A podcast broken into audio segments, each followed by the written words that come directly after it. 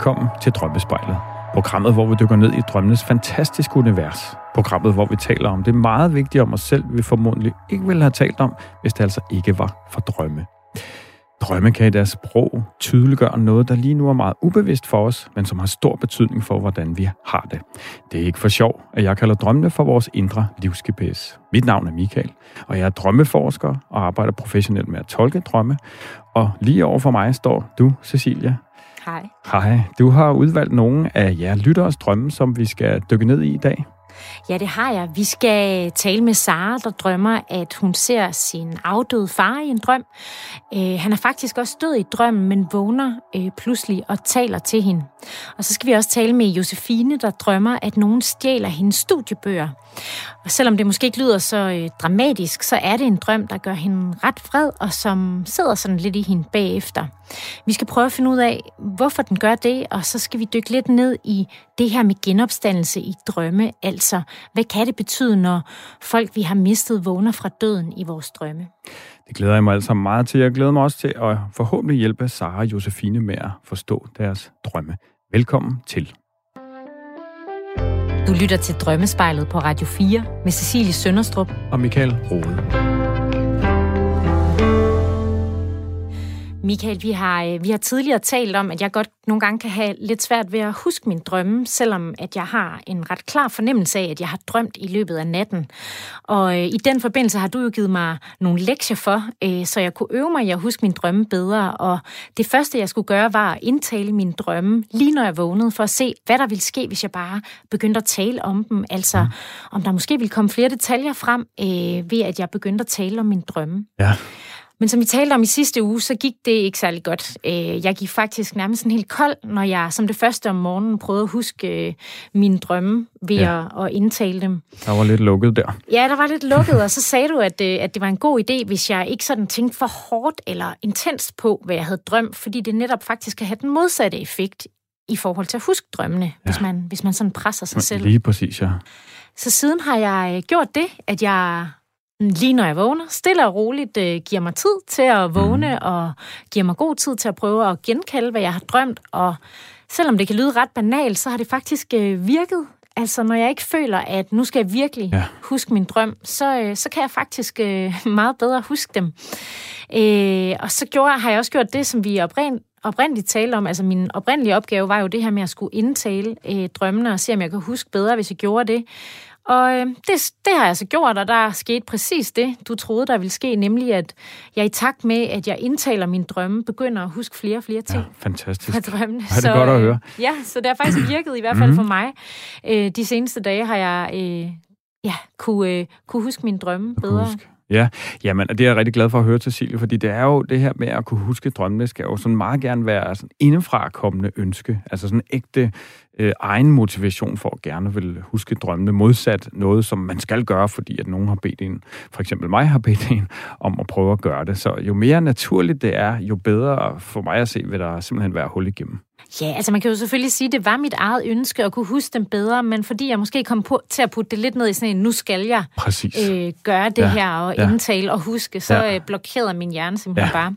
Så, øh, så det er egentlig meget fedt, at det kan lade sig mm. gøre, og øh, ja, man kan jo sige, at en ting er at, at huske, hvad man har drømt. Øh, noget andet er at forstå, hvad drømmene potentielt handler om. Og Michael, du har fortalt mig, at det kan være lidt udfordrende selv at skulle tolke sine drømme, altså uden at få hjælp fra andre?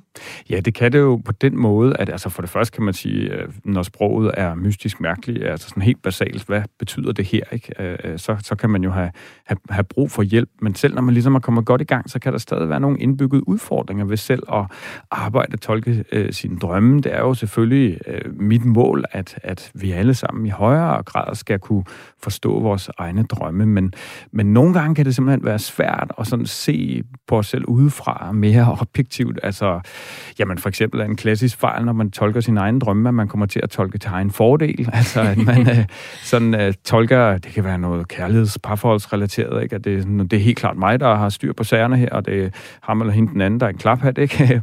eller, øh, og, og, så kan det have svært ved simpelthen at se, hvor det selv er, man sådan, ja, træder ved siden af, eller træder i spinaten, eller jeg gør noget, man øh, måske ikke er så bevidst om. Så man har måske lidt en tendens til at sådan øh, tolke drømmene til ens egen fordel, og øh, tænke, altså man, man vinkler ligesom Ja, det, det er i hvert fald en, en, en, en, en klassisk vil jeg sige, fejl at begå, når man arbejder med drømmene, at det jo simpelthen kan være smertefuldt, simpelthen, at se i øjnene, øh, hvordan man nogle gange gør noget, altså øh, i går så en dumt, det gåsøjne, fordi det er jo bare, vi gør jo, vi er jo dem, vi er. Vi gør det ikke sådan med vilje, vel, er jo tit ubevidst. Øh, men det der med at, at virkelig se øjnene, okay, der skulle jeg måske snarere kigge ind af, end jeg skulle pege fingre af, af de andre. Øh, det, det, det er jo smertefuldt nogle gange, og gør simpelthen ondt at få øje på de her mønstre, vi, vi har. Ja, man kunne også godt forestille sig det omvendte, ikke? Altså, at der også er nogen, der måske tolker det negativt, ikke? Lige præcis. Øh, rigtig vigtig pointe, Cecilie. På samme måde kan man jo komme til at, at være for hård ved sig selv, øh, og, og simpelthen, øh, hvad skal man sige, øh, øh, nedgøre sig selv mere, end, end godt er, øh, fordi man måske i dagligdagen går rundt og gør lige præcis det, ikke? Og så tolker man drømmene i det lys, og det vil jo være øh, forfærdelig. Så jeg tror, øh, øh, altså det, og det er jo heller ikke sådan i øvrigt, at man behøver at, øh, hvad skal man sige, gå til sådan en som mig, eller øh, altså betale sig øh, øh, fra det. Øh, det kan lige så vel være, og det vil være klart min opfordring, ikke? at tale med nogen, som kender en rigtig godt. Det kan jo så være en, en kæreste partner, øh, øh, hvis det ligesom giver mening. Det kan også være, at det kan lige præcis ikke være sådan en, man skulle tale med, hvis drømmene nu handler om noget, der der kunne være svært at tale om, og man måske ikke lige har lyst til at tage op. Så måske en god ven eller veninde, eller i hvert fald en, som man, vil jeg sige nok meget vigtigt, har tillid til at, at kunne tale med, med, med i forhold til, til drømmeindholdet. Så man behøver ikke altid at tale med en professionel for at blive lidt klogere på, hvad det er, Bestemt ikke. man drømmer. Nej, bestemt ikke. Nogle gange øh, øh, kan det selvfølgelig være nødvendigt, men for mig at se, hvad det er et stort ønske, er, at vi i højere grad bare kunne tale med hinanden, og dem, som vi kender og er tætte på. Jeg har drømt, at vi, mig og far og Isabel var en farlig sted, og det var så farligt, at hvis vi der, om I så vil, ville være med til at hoppe, og så, så ville hun ikke. Så kram mig og far hinanden, så hopper vi afsted. Så fløj vi hjem igen, og det var dejligt. Du lytter til Drømmespejlet på Radio 4, hvor vi nu skal tolke en af jer lytteres drømme. Ifølge dig, Michael, og mange andre, der arbejder med drømme og psykologi, så handler vores drømme ofte om os selv og de ting, vi går og tumler med. Men det kan nogle gange godt være lidt svært at gennemskue, hvad drømmene prøver at fortælle os, fordi deres sprog, som vi så mange gange har talt om her i programmet, kan være ret mærkeligt. Mm. Øhm, og det er så her, du kommer ind i billedet, Michael, øh, for du er som sagt professionel drømmetolker og arbejder med at tolke folks drømme. Og nu skal vi se, om vi kan hjælpe Josefine med at blive lidt klogere på en drøm, hun har haft for nylig. Hej Josefine, velkommen til Drømmespejlet. Hej, mange tak. Vi har lige talt om det her med at kunne huske sine drømme, øh, at det øh, ikke altid er noget, man nødvendigvis lige kan. Er du sådan en, der er god til at huske dine drømme? Mm, ja, det er jeg faktisk. Jeg kan huske de fleste drømme, jeg drømmer, og jeg, jeg tror også, det er, fordi jeg sådan interesserer mig lidt for det. Du har skrevet til os, fordi du har en drøm, du ikke helt forstår, og som du gerne vil blive lidt klogere på. Prøv at fortælle os, øh, hvad det er, der sker i den drøm. Jamen, drømmen starter faktisk med, at øh, jeg ligger på stranden, og så er der en, der kalder på mig, at øh, jeg skal skynde mig at nå mit tog, øh, fordi jeg er lige ved at komme for sent til det. Og så løber jeg hen til toget, og så når jeg når hen til toget, så har jeg en masse oppakning med. Jeg har øh, en taske og en kuffert og øh, alle mine studiebøger med. Og så når jeg skal bære mine ting ind i toget, så har jeg så mange ting, at jeg ikke kan bære det ind på samme tid, så jeg lader mine studiebøger stå på perronen, sætter de andre ting ind, og så når jeg kommer tilbage, så er mine studiebøger blevet stjålet. De er der i hvert fald ikke længere. Men jeg opdager det først, da jeg kommer ind igen i toget og sidder på min plads, at de er væk, mine bøger. Ja. Du har fortalt, at da du vågner fra den her drøm, der har du sådan en følelse af, at øh, de her ting virkelig er sket. At du er faktisk så meget i tvivl om de her bøger væk, at du, øh, at du tjekker, om du stadig har dem. Ja, jeg øh, synes, det, den var meget rigtig, den drøm her, for mig i hvert fald, da jeg vågnede. Og jeg blev nødt til med det samme at kigge efter, om jeg stadigvæk havde mine bøger, fordi at det føltes så rigtigt. Ja. Og vi skal dykke meget mere ned i din konkrete drøm øh, lige om lidt, Josefine. Men Michael, jeg kunne godt lige tænke mig at spørge dig, når vi føler, at drømme er meget realistiske, altså når vi tror eller er i tvivl om, om det vi har oplevet i drømmen vidderligt er sket, hvad, hvad kan det skyldes? Jamen, det skyldes især, at når vi er i drømmene, så er det jo virkelighed. Så er det det, vi oplever lige der. Øh, så så øh, om man ved det eller ej, så altså, på, vores hjerne på mange måder, og præcis jo de samme dele af vores hjerne øh, i forhold til billeddannelse og oplevelse, det at se ting og sådan noget, er på samme måde meget øh, aktiv, øh, når vi drømmer, som når vi er vågne. Og det er sådan den ene del af, at det kan være svært. Det er simpelthen virkelig, når vi er i drømmen. Mm. Den anden del er jo, at jo mere, kan man sige, det vi drømmer om, ikke er fuldstændig unaturligt. Altså, man kan jo godt få Josefine stjålet sine øh, studiebøger. Det, det kunne jo ske, kan man sige, modsat for eksempel, at man flyver i drømmen. Ikke? Øh, jo, jo mere at drømmen reelt minder om noget, der kunne foregå i virkeligheden, jo sværere kan det jo simpelthen øh, selvfølgelig være, han har sagt, at sige, er det her egentlig drøm, eller er det virkelighed? Og, og, og følelsen, som du står med der, Josefine, er jo virkelig, at det her det er sket, så jeg forstår virkelig godt, at du gerne lige vil op og tjekke. Jeg har selv øh, øh også en klassiker inden for, for drømmeverdenen været til Øh, øh, en eksamen, som jeg ikke blev færdig med på Handelshøjskolen utrolig mange gange, og nogle gange har jeg jo lige måttet tjekke eksamensbeviset, bare lige for at være sikker. Så det, de, de, de kan fremstå utrolig virkelige, de drømme der. Josefine, for at forstå øh, din drøm bedre, skal vi øh, tale lidt om din øh, livssituation lige nu. Hvordan vil du beskrive øh, dit liv? Øh, jeg tror, jeg vil beskrive mit liv øh, en lille smule kaotisk. Ja. Fordi at jeg flytter rigtig meget. Jeg øh, flytter mellem øh, Holbæk og Esbjerg, og også nogle gange på Fyn og sådan noget, så jeg er meget sådan rådløs. Jeg flytter meget rundt og har ikke et sted, der sådan fast er mit. Så en lille smule kaotisk. Og, og hvorfor er det, du gør det, Josefine? Det er, fordi jeg er jordmorstuderende. Ja. Så, så der er simpelthen noget konkret med, at du, han har sagt, far land og rige rundt i forhold til at komme i, være i praktik som del af uddannelse og, og så videre. Lige præcis. Jeg går i skole et halvt år i Esbjerg, og er i praktik et halvt år i Roskilde, så jeg flytter frem og tilbage hver halve år. Mm-hmm.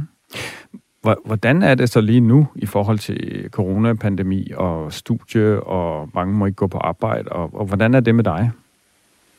Lige nu der er jeg startet i skole igen, øh, og vi har virtuel undervisning.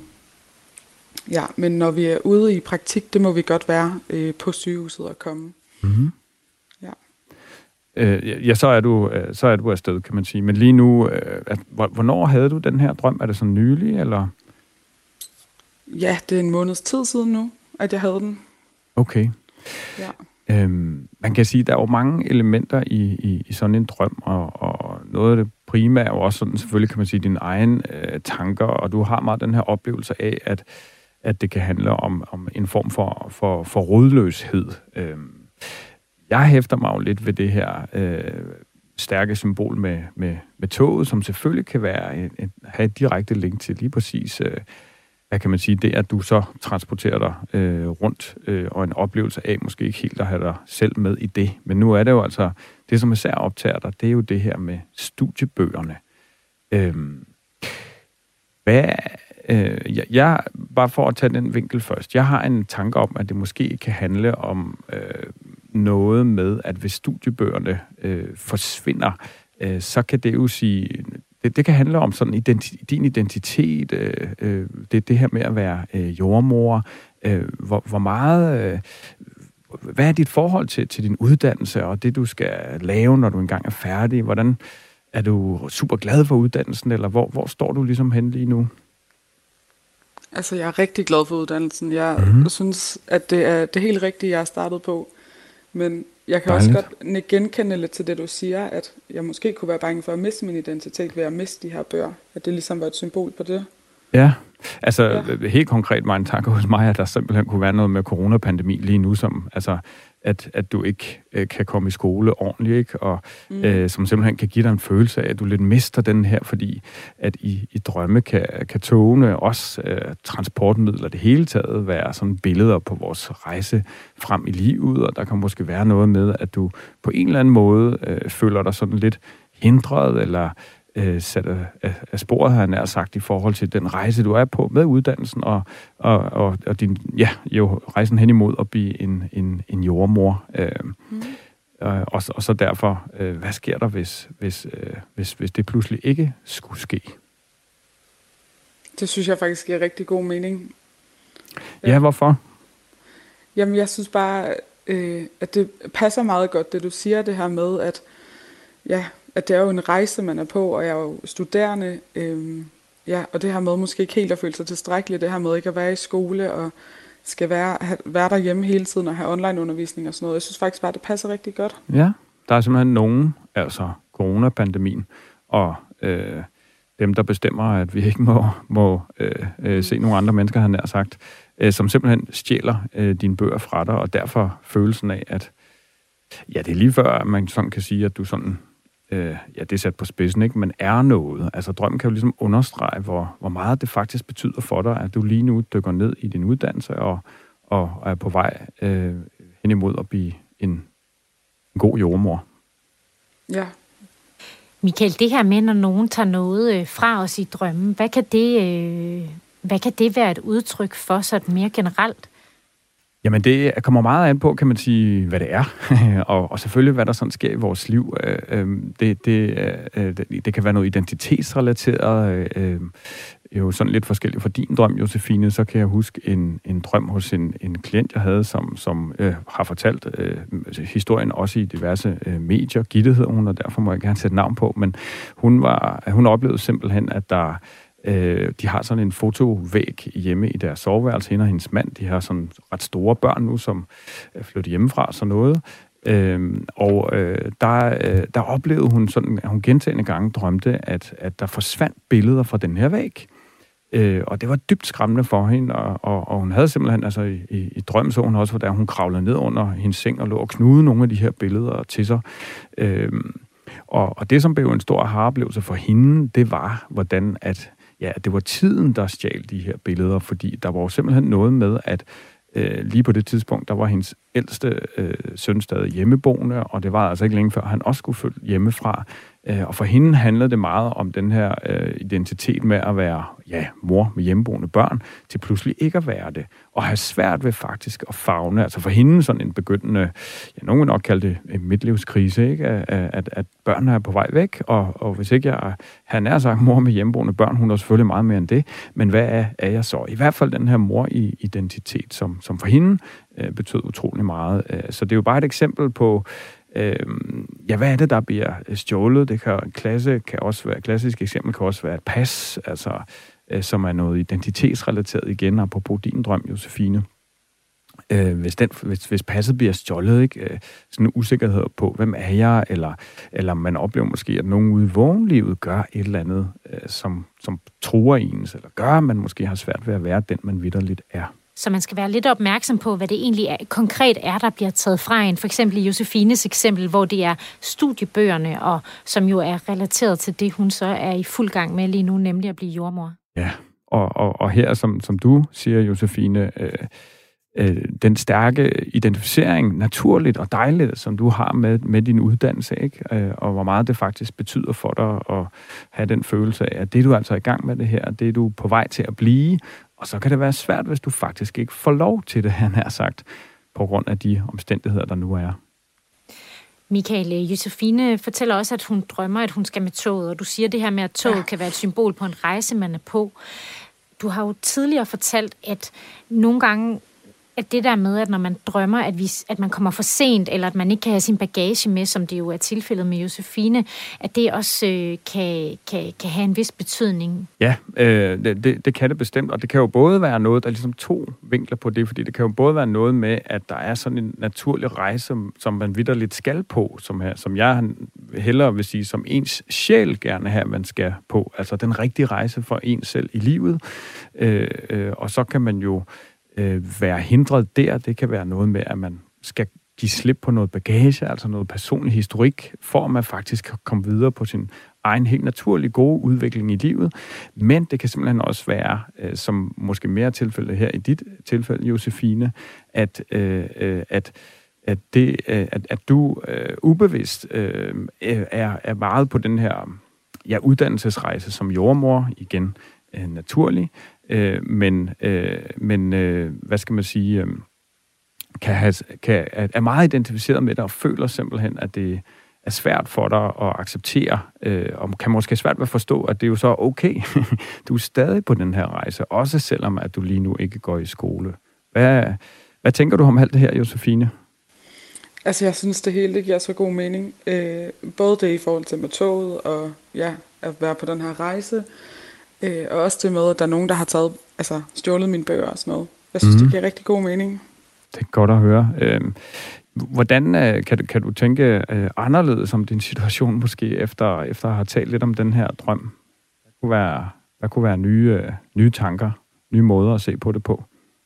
Det tror jeg bare, at jeg skal læne mig tilbage og bare nyde den her rejse, og så må jeg tage det, som det kommer, og forhåbentlig kommer vi tilbage i skole på et tidspunkt. Ja, altså jeg tænker, et budskab fra Drøm kunne være, at toget kører jo sådan set stadigvæk.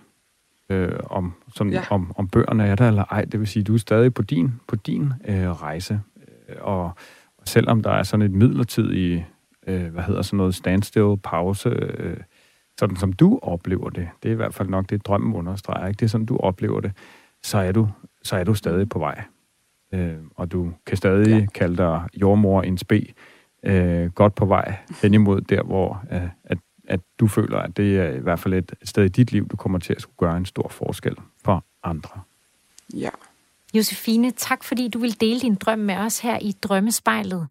Vi øh, håber, at øh, du snart kan komme tilbage på studiebænken på en mere almindelig måde, og ønsker dig held og lykke med det hele. Hvis du, ligesom Josefine, har en drøm, du gerne vil have tolket, så send den til os til spejlet radio4.dk. Send en beskrivelse af din drøm og gerne et par linjer om dig selv, og så kan det være, at vi dykker ned i drømmen her i programmet. Du lytter til Drømmespejlet på Radio 4 med Cecilie Sønderstrup og Michael Rode. Velkommen tilbage til Drømmespejlet, programmet, hvor vi dykker ned i jeres drømme og undersøger, hvad de her ofte surrealistiske universer og kringlede handlingsforløb måske i virkeligheden handler om. Den næste lytterdrøm, vi skal dykke ned i, kommer fra Sara. Hej Sara. Hej Mia. Hej. Sara, du har skrevet... Ja, jeg er her. Det lyder godt. Der er vist lidt forsinkelse på linjen. Sara, du har skrevet til os, fordi du har en drøm, du ikke helt forstår, som du gerne vil blive lidt klogere på. Øhm, er du sådan en, der generelt går op i, eller tænker over, hvad din drømme ja. betyder? Ja, jeg har jo drømt rigtig meget siden, at jeg var meget lille, og jeg har altid undret mig over, at de var meget øh, realistiske, og jeg havde mange følelser lige når jeg vågnede. Så det er egentlig mange år, jeg har gået og spekuleret på, hvad, hvad, hvad det betyder, og hvorfor jeg skal kunne huske dem, og hvorfor jeg reagerer sådan på dem, som jeg gør. Mm. Ja. Har du, er du sådan, har du sådan øvet dig i at kunne huske dine drømme? Jeg tror, at jeg gennem øh, sådan almindelig dialog med mange mennesker har fundet ud af, at det måske kunne betyde noget, og har øh, gennem de sidste par år øh, vendet mig til at skrive dem ned, hvis de blev for mærkelige, tror jeg. Mm. mm. Og jeg tænker, at øh, vi skal dykke lidt ned i din drøm, Sara. Øh, prøv at fortælle os, hvad der sker i den. Jamen, altså, jeg havde en drøm her øh, for ikke så lang tid siden, som var meget realistisk, og derfor reagerede jeg også ret voldsomt på den, da jeg vågnede. Øhm, men jeg arbejder som sygeplejerske, og det var også kvæg øh, at være på job. Jeg stod nede i en reception på et hospital, og der øh, er egentlig masser af mennesker, og pludselig opstår der noget tumult, øh, og jeg vælger ligesom at, at, at finde ud af at skulle løse det her tumult. Og det drejer sig om en, en kvinde og en søn, som øh, kommer og siger, at de har faktisk fortrudt, og nu vil de gerne til. Jeg rummer dem og siger, at jeg vil gerne løse problemet, men egentlig også fordi, jeg vil rigtig gerne have det her øh, kaos, der var ved at opstå, det forsvinder. Så jeg finder ud af, at de vil gerne op i kapellet, de har fortrudt, de vil gerne se en afdød. Så jeg ringer til kapellet og beder dem om at gøre personen klar. Og det næste, det er, så jeg, det switcher over, og så øh, står jeg pludselig op i et kapel, og jeg ved ikke, om det er sådan et kapel ser ud, men i min drøm, der er det sådan et rum, jeg kommer ind i, og med en lang gang. Og pludselig er jeg alene, og der står en seng med en dyne henover en krop, og jeg går hen til det, og jeg sådan, synes, det er underligt, at jeg er alene, men det er som om alligevel, det er også meningen, at det kun er mig, der skal være der. Så trækker jeg dynen fra, og så er det min far, der ligger dernede. Øhm, og jeg undrer mig over, at det er ham, der ligger der, og der går lidt tid, øh, så begynder jeg at pille dynen længere ned, og så det det kun af hovedet. Og så begynder han at bevæge sig og sige mærkelige lyde, og han er faktisk varm, han er ikke kold, som jeg havde forventet, når nu han var død.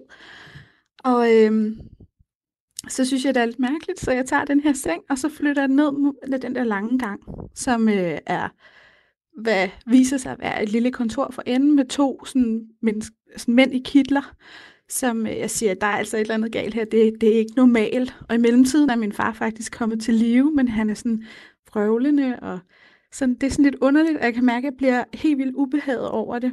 Og så øh, begynder de at ringe til læger for at sige, det, det er så mærkeligt. Og øh, i mellemtiden får jeg så sagt, at øh, det her, det kan jeg faktisk ikke overskue. Jeg, øh, jeg bliver nødt til at sætte ham her, og ligesom overlade dem til, til, til de her to mænd, der er. Øh, og der kigger min far på mig, og sidder nu oprejst og stiger mig direkte i øjnene og siger, hvordan tror du så ikke, jeg har det? Og så vågner jeg. Du har jo fortalt os, at din far han, øh, han er, er gået bort for to år siden. Øh, hvordan, øh, hvordan har du det, ja. da du vågner fra den her drøm? Altså, da jeg vågner, der øh, har jeg faktisk hovedpine, og jeg øh, meget svedende, eller sådan noget svedende, svedig, og er sådan utilpas, og går og har sådan, har sådan lidt underligt i løbet af dagen, har sådan lidt, øh, ligesom om jeg har lidt dårlig samvittighed, men jeg ved ikke rigtig hvorfor, for vi har det rigtig godt i dag, og det var selvfølgelig ikke rart at miste min far. Han var ikke så gammel, og det var ret pludseligt, men vi har egentlig fået det lukket rigtig fint af, og går kun at mindes gode ting. Mm. Så det er ikke fordi, jeg synes, det fylder. Michael, jeg tror, øh, jeg tror, der er mange, der ligesom Sara har prøvet at, øh, at drømme om de personer, de har mistet. Og inden vi dykker ned i Saras konkrete drøm, kunne jeg godt tænke mig at spørge dig, hvad det sådan mere generelt kan handle om, når vi drømmer om folk, der er døde. Ja, der, der er sådan grundlæggende flere vinkler på det. Jeg synes, stedet at starte er, er det her med, at det i hvert fald ikke er unormalt, øh, hvis man lige har mistet, at man så i dagene, ugerne efter drømmer utrolig meget om, om den, der er død. Øh, og det kan jo være sådan øh, selvfølgelig bearbejdelse af, af det, der er sket, øh, meget naturlig, øh, altså hvad, hvad, hvad er min reaktion på det, hvordan har jeg det med det, øh, og, og, og så kan man sige, øh, jo længere tid der måske så går, så kan der være nogle andre vinkler på det, øh, netop noget med, at det måske stadig fylder øh, mere, end man tror, det kan også øh, en anden måde at se på det på, kan være noget med at tænke, afhængig af, om vedkommende konkret siger noget i drømmen, som jo er tilfældet her med, med dig, Sara, øh, men så kan man også sige, hvad, hvad, hvad vil vedkommende, min far måske, hvis han stadig var i live, hvad kunne han finde på at sige til mig i dag? Er det sådan, sådan lidt, hvad jeg vil kalde den ydre tolkning af relationen til den afdøde og stadig bearbejdelsen af det, men, men også den her vinkel på, hvordan vedkommende jo kan være et billede på noget i en selv, øh, som måske minder om, om, om den her person. Øhm, så, så på den måde er der lidt forskellige vinkler på det, og, og helt grundlæggende der handler det meget om at dykke ned i at undersøge den, som har mistet. Øh, hvordan er relationen i dag, og, og, hvordan kan det her måske stadig være øh, relevant? Og det tænker jeg også kunne være et godt sted for dig, øh, eller starte i forhold til dig, øh, Sara. Hvor øh, du, du, du starter med, eller du siger lige før, at, at I har fået lukket godt ned for det, og er et godt sted, men hvis du skulle sådan prøve at sætte lidt flere ord på, hvor, hvor vurderer du selv, eller hvad, hvad er dine egne tanker sådan omkring øh, oplevelsen af at miste din far, og, og hvordan du sådan har det med det i dag? Altså, jeg kan huske, at jeg brugte sindssygt meget krudt på at holde ham i live. Øh, han blev rigtig hurtigt og meget voldsomt syg af kræft. Øh, og fra vi fandt ud af, at han var syg, til han døde, så gik der kun seks uger. Øhm, og i kraft af mit erhverv, og at jeg var en af dem i familien, der var tættest på, så øh, brugte jeg sindssygt meget krudt på det. Og i den periode ved jeg godt, at der lagde jeg mig selv rigtig meget til side. Øhm, da han så dør, så tror jeg lidt, at vi alle sammen tog det ind som lidt et nederlag. Øh, vi havde jo kæmpet, hvad vi kunne for at holde ham i live, og det lykkedes ikke. Og det brugte jeg rigtig lang tid, nok et lille år, hvis ikke mere, på ligesom at få bearbejdet, så det ikke kun blev, hvad skulle jeg have gjort bedre til, at det faktisk var, det kunne have været meget værre. Eller, altså, ja. prøv at vente til noget mere positivt, for at jeg ligesom selv følte, at jeg kunne komme videre. Øhm, og jeg er kommet rigtig fint videre i, i mit privatliv, og har sluttet mange cirkler af, som har været lidt svære, øh, men har det sidste års tid måske også båret rigtig meget præg af, at det går rigtig godt lige pludselig. Øh, fedt arbejde, og det går godt med tre børn i hjemmet, og sådan. Øh, ja. så jeg tænker ikke på min far, og at han er død, som, som værende noget, jeg stadig er ked af, eller øh, fortryder, eller... Altså, det, det fylder ikke rigtig i mig mere, så jeg undrer mig over, at han pludselig dukker op i en drøm, og så tydeligt siger, hvordan tror du så ikke, jeg har det? Det er sådan, ja, og jeg tror, det er det, jeg reagerer måske mere på mine følelser i kroppen, for da jeg vågner, ja. end egentlig at tænke over, at det er min far. Ja, ja det, og det giver da uh, rigtig god mening, synes jeg. Uh, jeg synes måske, at vi skal starte med sådan den åbningsscene, eller det, der først sker i drøm, for der er jo den her tumultscene ja. med en mor og hendes søn, ja. som uh, fortryder og gerne vil se uh, en, en afdød. Uh, og Jamen, der er det lige præcis også, som du selv siger, uh, altså det med fagligheden, at, at lige der, uh, så, så så træder du til, du vil gerne have ro på situationen, øh, og bliver sådan meget øh, professionel. I den ja. indre tolkning af sådan en drøm, så kunne den jo for eksempel i forlængelse af det, du har sagt, lige den del, kunne sådan handle om, at der på en eller anden måde stadig er noget, noget uro øh, i dig. Noget, der kan dukke op en gang imellem, og som du ubevidst, lynhurtigt, sådan med fagligheden eller professionelt, på en eller anden måde får, får lagt låg på. Kan, kan det give mening? Kan der være noget om det? Ja. Ja, altså jeg tror, jeg har fundet en stor tryghed i at kunne bruge min professionelle øh, jeg øh, og sige mit private jeg. Det er i hvert fald ikke noget, der kan adskilles. Så det er måske en tilgang, jeg har tillagt mig, som jeg ubevidst gør brug af, øh, ja. når noget er svært. Når noget er svært, og, ja. og, og, og ja, hvad, hvordan, øh, hvordan kan det være en, en god ting, og hvordan kan det måske også være en mindre god ting? Det er i hvert fald godt lige, ja, lige nu er det, eller som, som, jeg, som jeg trives i, og det jeg er glad ved, og så virker det at kunne håndtere svære ting professionelt som værende noget, jeg er tryg i at gøre, og jeg, kan, jeg rent faktisk kan gøre noget. Det er måske det her med, at jeg ved ikke, kan det være, fordi man ikke rigtig har kontrol over alting, og så kommer der lidt et, et, et kaos. Det gør der jo som en almindelig, eller hvad, sådan, en, en hverdags øh, dag, en, en rytme, et, et liv jo. Mm. Der kommer noget uforudset. Øhm, men kan, kan det der professionelt måske være et eller andet form for, nu stiller jeg nogle rammer op, og her i der kan jeg navigere rundt, og det måske føles rarere, end, øh, end ikke at kunne gøre så meget, eller ikke lige ved, Ja, det gør i hvert fald, at der, det gør i hvert fald, at der bliver lagt øh, ro på på en eller anden måde, på noget, der ellers kunne, kunne skabe kaos, kan man sige. Øhm, og, og det er jo det, der, der, ja. der, der sker i drømmen. Øh, og, og det, ja, spørgsmålet er jo simpelthen, om, om der kunne være noget i, at, at der ikke så lynhurtigt skal, skal bringes ro på det, men at, at der måske skulle gås mere ind i, i selve situationen, ikke? Øh, med den her mor og søn. Ja. Øh, du er jo også selv mor øh, og har børn. Øh, og Altså, spørgsmålet er jo simpelthen, om den del af drømmen handler om en, en ubevidst øh, tendens til hurtigt at ligesom håndtere din oplevelse professionelt. Altså i højere grad at tage sygeplejerske ja. identiteten på øh, i forhold til de følelser, der kommer op, og som sådan en drøm jo øh, kan vække. Øh, kan, kan der være noget om det? Ja. Mm, det kan der godt. Men, men jeg tænker også, at det er måske ikke noget, der har været... Øh, sådan fyldt meget, eller været stort de her for nylig, fordi der har det været roligt og stabilt, hvis man kan sige det sådan. Mm. Øhm, hverdagsliv og professionelt liv, men, ja, og men det... der har der været en periode, hvor at, ja, det har været lidt anderledes. Og der var, ville det jo så ikke være unaturligt, hvis, hvis der stadig er noget for dig øh, så at arbejde med øh, i forhold til tabet af din far, at det så i en periode, hvor du har det godt, er et bedre sted, at, at du så øh, er måske mere i stand til at, og, og, hvad kan man sige, gå ind i det og, og på en eller anden måde, øh, ja, måske i højere grad bearbejde det, hvis, hvis der er brug for det. det kunne sådan en drøm jo godt øh, sige noget om. Ja. Jeg kommer også til at tænke på det her med... Ja, fordi jeg ja. blev jo i tvivl om, om, om den drøm egentlig var... Altså, jeg siger bare, om det handlede om min far, eller om min far mhm. var et symbol på noget andet. For jeg tror måske, jeg blev lidt forskrækket over, at det, hvis det stadig skulle fylde, kom det bag på mig måske, at det lige var ham, hvis det handler om ham, hvis ikke det handler om noget andet. Ja. Øh, hvad, har du selv nogen idé til, hvad det også kunne handle om? Nej, det er måske der, hvor jeg kommer lidt til kort, fordi ja. øh, jeg, jeg, har, jeg har som en, et hvert andet liv, har der jo været nogle bump på vejen. Og øh, for et stykke tid siden, der var det ikke særlig sjovt at gå på arbejde. Der har jo været corona, og man har været midt i, i fronten. Øh, og vælge at sige op og finde et andet arbejde. Og det var ikke godt at blive fyret, og noget identitet og sådan, øh, der lige skulle vende.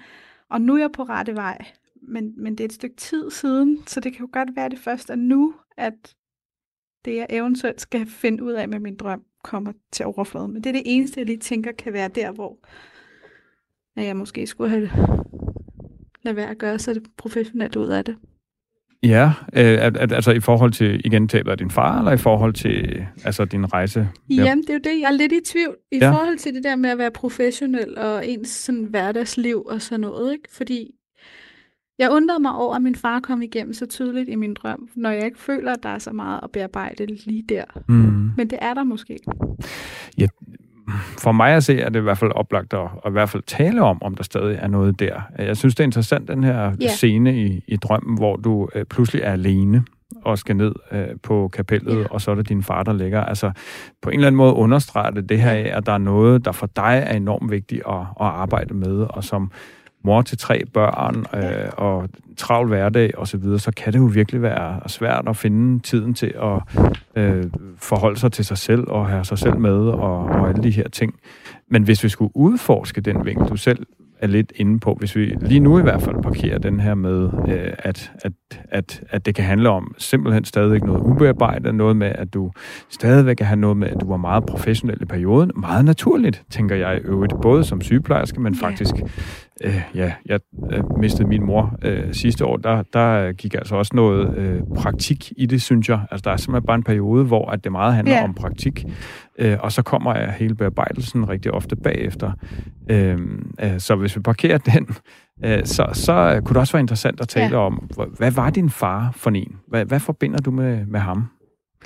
Altså, min far, han øh, var en ener. Øh, altså, helt overordnet, så han var født i Italien og kom til Danmark og var her øh, og skulle lave sig et netværk, og det har ikke altid været helt nemt, og det har også været turbulent mellem min mor og far, der så blev skilt.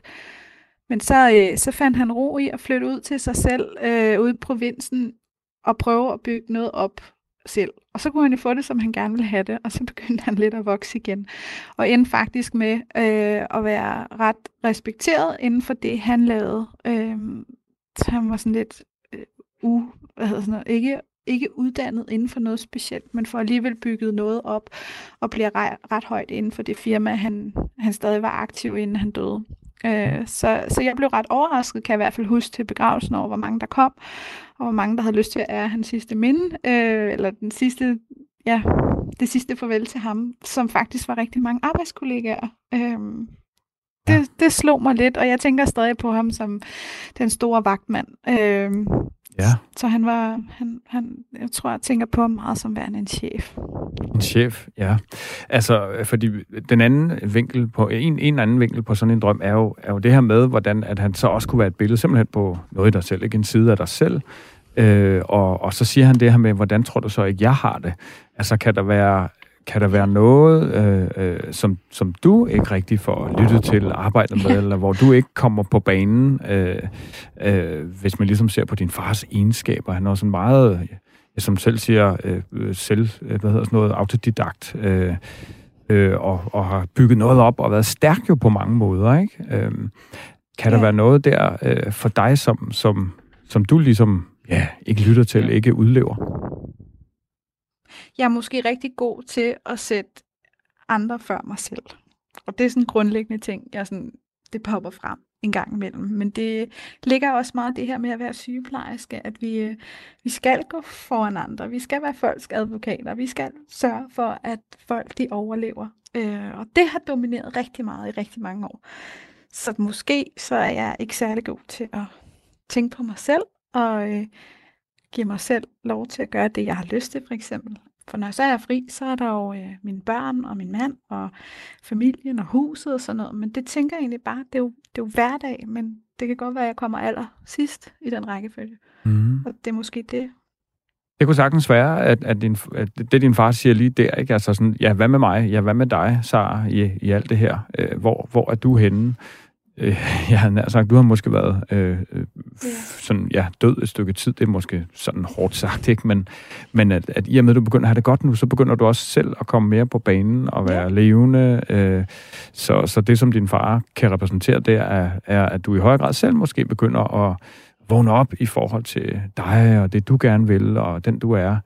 Øh, og så den her med, ja, hvordan tror du egentlig ikke, jeg har det? Jeg kommer også til at tænke på det her, Michael. Hvad, hvad kan det betyde, når folk, vi har mistet, genopstår i en drøm? Altså simpelthen i drømmen vågner fra de døde? Ja, altså, det kan igen betyde noget med, at altså, øh, bearbejdelsen af, at vi mistede dem, og at det er stadig aktuelt på en eller anden måde, men også rigtig meget jo, hvad var det, de, hvad står de for for os øh, øh ja, den indre tolkning, øh, kan det være et billede på noget i os selv, som vi pludselig skal forholde os til, eller den påvirkning, de har haft på os. Det har vi ikke noget at tale så meget om, Sara, og når det nok heller ikke, men, men øh, din fars indflydelse på dig, og den du er, øh, relationen til ham, øh, om der også er noget øh, øh der. Øh, så, så på den måde er, er der lidt forskellige vinkler på det, afhængig af, hvem er personen, og, og hvem er vi selv, og hvad sker der i vores liv. Ja, Sara, vi skal til at runde af nu, men øh, her til sidst vil jeg gerne spørge dig, om det Michael han øh, fortæller, om det giver mening for dig. Jamen, jeg synes, det giver helt vildt god mening. Jeg blev faktisk ret overrasket over, øh, at det tog den drejning. Jeg havde jo forventet måske lidt, at der ville blive snakket mere om, at det bare handlede om min far. Men øh, jeg tror måske, det giver god mening, at det handler om, at det er mig i min far, der har en dialog med mig selv, det kunne rigtig godt altså passe sammen med, at det, det handlede om, at man havde overset sig selv i en periode. Det overraskede mig. Jeg synes, det var helt vildt spændende. Det var jeg glad for at få et par øh, kyndige øjne og ører på, så det er jeg rigtig glad ved. Det vil jeg prøve at gå videre med. Dejligt. Ha' det rigtig godt, Sara. Tak. Af lige måde. Tak. Tak. Hvis du har en drøm, du gerne vil forstå bedre, så kan du ligesom Sara skrive en mail til os til spejlet radio4.dk, hvor du beskriver din drøm og skriver et par linjer om dig selv, og så kan det være, at vi dykker ned i drømmen her i programmet.